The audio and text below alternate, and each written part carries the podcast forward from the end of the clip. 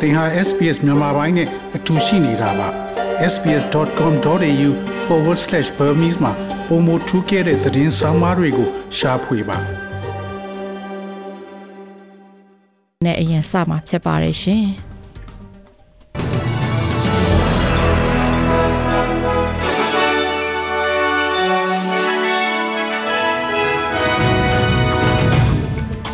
ဒီညအတွက်ထိတ်တန့်ရောက်နေတဲ့သတင်းတွေကတော့မြန်မာနိုင်ငံမှာတရားမဝင်သားရိုင်းတရိတ်ဆန်ရောင်းဝယ်မှုမြင့်တက်လာနေတဲ့အကြောင်း Queensland ပြည်နယ်မှာဂျာတာပဒေးနေ့ကစပြီး COVID-19 ဆိုင်ရာတင်းကျပ်မှုတွေကိုဖြေလျှော့ပေးတော့မယ်ဆိုတဲ့အကြောင်းနဲ့ကမ္ဘာရာသီဥတုပြောင်းလဲမှုနဲ့ပတ်သက်ပြီးတိတိတတ်တာလှုပ်ဆောင်မှုမရှိရင်တော့အပူချိန်လျှော့ချဖို့မဖြစ်နိုင်ဘူးဆိုတဲ့အကြောင်းတွေအပြင်တခြားထူးခြားတဲ့သတင်းတွေကိုလည်းနားဆင်ရမှာဖြစ်ပါတယ်ရှင်။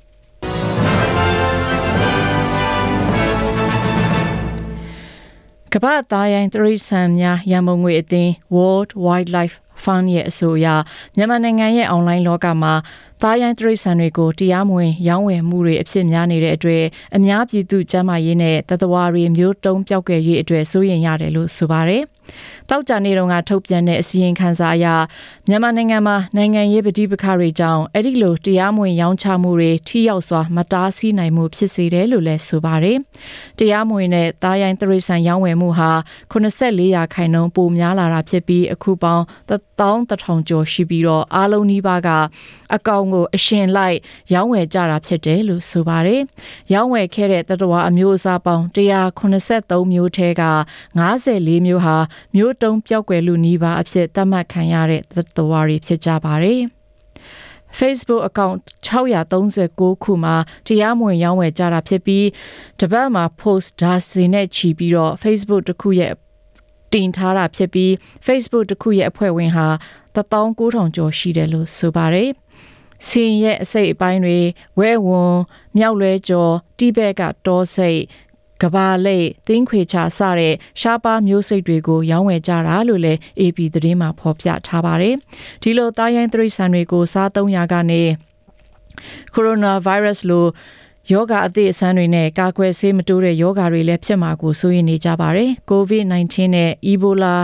ကျဲငွဲ့တုပ်ကွေးစတာတွေဟာတရိษံတွေကနေတဆင်လူကိုကူးစက်တာဖြစ်တယ်လို့ယူဆထားကြပါတယ်။ဒီကနေ့ Queensland ပြည်နယ် Gold Coast မြို့ကကစားကွင်းသင်းပါတစ်ခုမှာမတော်တဆမှုဖြစ်လို့လူငယ်တူဆေးရုံတင်ထားရပါတယ်။ Village Roadshow Theme Parks ရဲ့ထုတ်ပြန်ချက်အရအဲ့ဒီလူငယ်ဟာ Movie World မှာ Carousel စီးနေတော့ခေါင်းနဲ့တခြားနေရာတချို့မှာဒဏ်ရာရရှိသွားတာဖြစ်ပြီးကစားကွင်းအတွင်းမှာတာဝန်ကျတဲ့သူနာပြုရဲ့ပြုစုမှုကြောင့်ဆေးရုံမှာတည်ငြိမ်နေတဲ့အနေအထားရှိတယ်လို့ပြောပါတယ်။ဘာကြောင့်ဘလို့ဖြစ်သွားသလဲဆိုတာကိုစုံစမ်းနေပြီးအခင်းဖြစ်ပွားနေရတဲ့နေရာမှာပိတ်ချထားပါတယ်။ Queensland ပြည်နယ်ဝန်ကြီးချုပ် Anastasia Palaszczuk ကနောက်တစ်ပတ်ကြာသပတေးနေ့ဖေဖော်ဝါရီလ14ရက်ကစပြီး COVID-19 ဆိုင်ရာတင်းကျပ်မှုတချို့ကိုဖယ်ရှားပေးလိုက်မှာဖြစ်ပါတယ်။ဖြေလျှော့မှုတွေအရ coffee ဆိုင် pub club နဲ့စားတောက်ဆိုင်ထိုင်တဲ့အခါမှာကာကွယ်ဆေးနှချောင်းထိုးထားကြောင်းသက်သေပြစရာမလိုတော့အောင်လှုံ့ဆော်ပေးတာဖြစ်ပြီးကစားကွင်း theme parks casino ရုပ်ရှင်ရုံမင်္ဂလာဆောင်အခမ်းအနားပြခန်းစာကြည့်တိုက်ပြတိုက်နဲ့အားကစားရုံသွားတဲ့အခါမှာလည်းသက်သေပြစရာမလိုတော့ဘူးလို့သိရပါတယ်။ဆေးရုံစာတင်ကျောင်းတက်ကြီးဆောင်ရှောက်ရေးနဲ့မတန်ဆွမ်းစင်တာတွေနဲ့အကျဉ်းထောင်တွေမှာအလုပ်လုပ်တဲ့လူတွေကတော့ကာကွယ်ဆေးအပြည့်အဝထိုးရမှာဖြစ်တယ်လို့သတ်မှတ်ထားပါတယ်။ The trigger point is our level of vaccinations. As of yesterday, 90.5% of Queenslanders 12 years and old and over အဲ့ဒီလိုဆုံးဖြတ်ချက်ချရတဲ့အကြောင်းရင်းကတော့ကာကွယ်ဆေးထိုးမှုအနေအထားကြောင့်ပဲဖြစ်ပါတယ်။မနေ့ကအထိ Queensland ပြည်နယ်မှာအသက်12နှစ်နဲ့အထက်ရှိသူလူပေါင်း90.5ရာခိုင်နှုန်းကာကွယ်ဆေးနှစ်ချောင်းထိုးပြီးကြပြီဖြစ်ပါတယ်။ဒါဟာအင်မတန်အားရစရာပါပဲ။ တင်းကြပ်မှုတွေကလည်းသူ့အတိုင်းအတာနဲ့သူအလုလုသွားသလိုလူမှုအတိုင်းဝိုင်းမှာဘေးကင်းလုံခြုံမှုတွေရှိခဲ့ပြီးလူတွေကလည်းကာကွယ်ဆေးတွေထိုးခဲ့ကြပါတယ်။အဲဒီတော့ပြည်내ကျန်းမာရေးကြီးကဲကတင်းကြပ်မှုတွေကိုဖြေလျှော့ပေးဖို့ဆုံးဖြတ်ချက်ချခဲ့တာလို့ပြောသွားခဲ့ပါတယ်။ Liberal Party အတွင်းမှာလာမယ့်ရွေးကောက်ပွဲအတွက်ကိုယ်စားလှယ်လောင်းရွေးချယ်ရမှာမသိမမြတ်မှုတွေဖြစ်နေပြီးပါတီဝင်တချို့က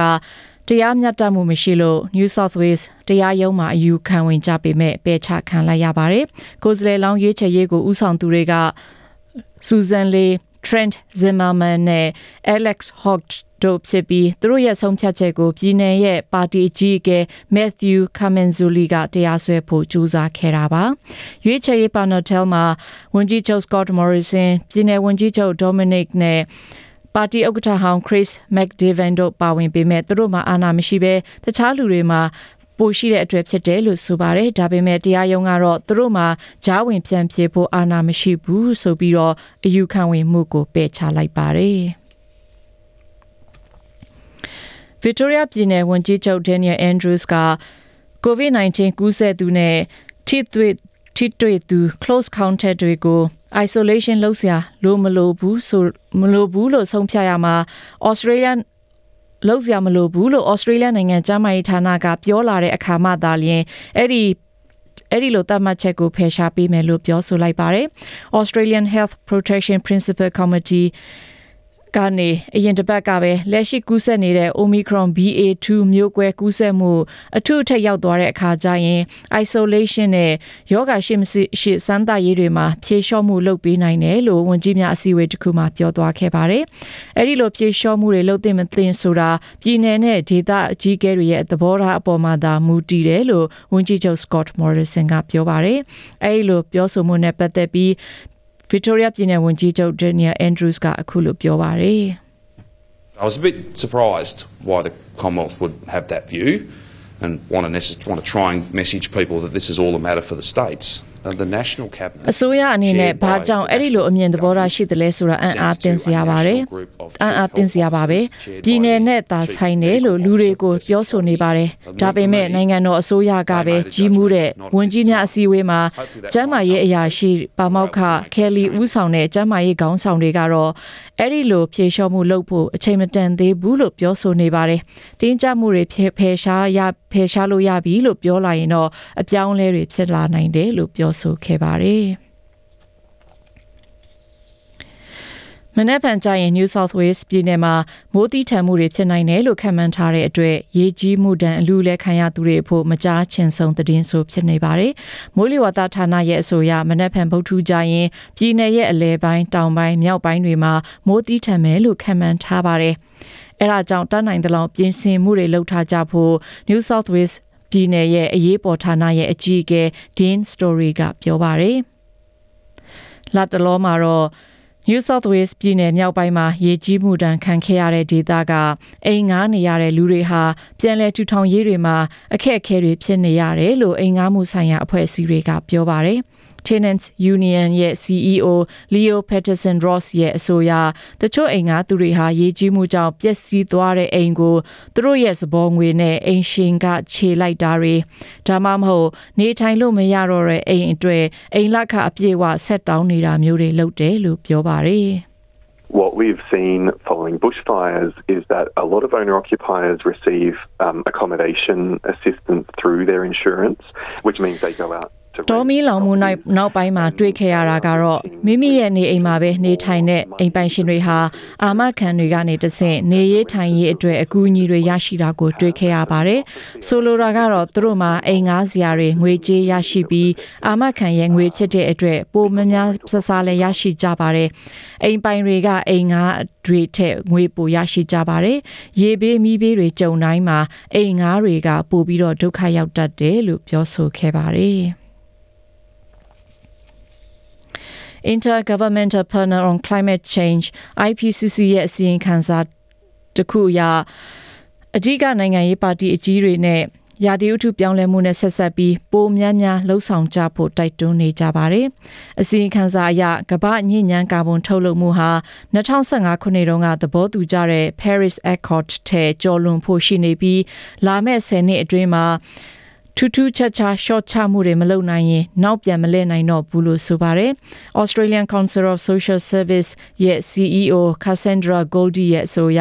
ကမ္ဘာပူနွေးမှုကိုကန့်သတ်ခြင်းရင်လာမယ့်နှစ်အနည်းငယ်အတွင်းမှာမြန်မြန်လှုပ်ဆောင်ဖို့ကအရေးကြီးတယ်လို့ပြောဆိုလိုက်ပါတယ်။အခုလောလောဆယ်ဘဲပါတီကြီးတွေရဲ့ policy ကမှညဉ့်ညမ်းကာဗွန်ဓာတ်ငွေ့ကိုတိတိတတ်တာအလင်းအမြန် short ချမဲ့အနေအထားမရှိဘူးလို့ထောက်ပြထားပါတယ်။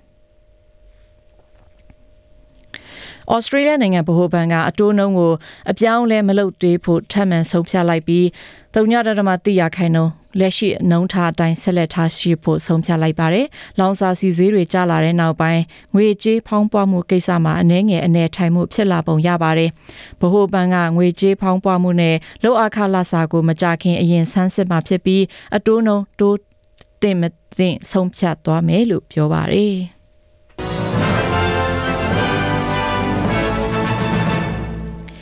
အားကစားသတင်းမှာတော့ Melbourne မြို့မှာ Grand Prix အားကစားပြိုင်ပွဲကိုဒီတစ်ပတ်မှာစတင်မှာဖြစ်ပြီးဒါဟာ COVID-19 နောက်ပိုင်းပထမဆုံးအကြိမ်ကားပြိုင်ပွဲကိုပြန်လည်စတင်နိုင်ခြင်းဖြစ်ပါတယ်။2020ခုနှစ်တုန်းကကားပြိုင်ပွဲကျင်းပဖို့အတွက်အဆိုတော် Robin Williams ကိုဒေါ်လာတန်းနဲ့ချီပေးပြီးဖိတ်ခေါ်ပြီးတော့ကားပြိုင်ပွဲကျင်းပဖို့ရှိပေမဲ့ ဖြတ်သိမ်းလိုက်တဲ့အတွက်တရားစွဲဆိုမှုတွေဖြစ်ပေါ်ခဲ့ပြီးအဲ့ဒီအမှုကအခုထိမပြီးဆုံးသေးပါဘူး။ Australian Grand Prix Corporation ကနေပွဲမစခင်လေးမှာပဲပွဲဖြတ်လိုက်တဲ့အတွက်တာဝန်မဲ့ရာရောက်တယ်လို့တရားစွဲဆိုသူသူတွေကပြောဆိုနေကြပါတယ်။မနေ့ဖန်ဗုဒ္ဓနေ့အတွက်မိုးလေဝသတွေကတော့ Perth မြို့မှာနေသားပြီး29ဒီဂရီရှိချိန်မှာ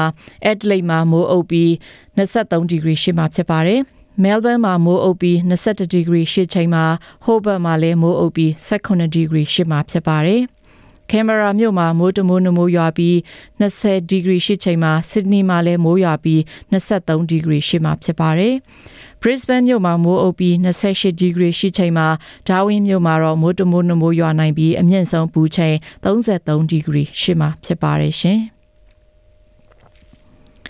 ငွေလဲလှယ်နှုန်းမှာတော့ Australia ဒေါ်လာဟာ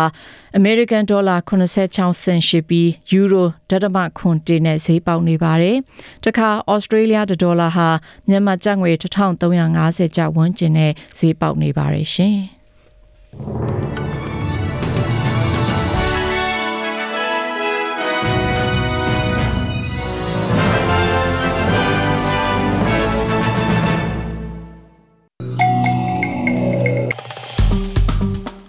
SPS မြန်မာပိုင်းကို Facebook ပေါ်မှာ like ရှာပြီး like မျှဝေမှတ်ချက်ပေးပါ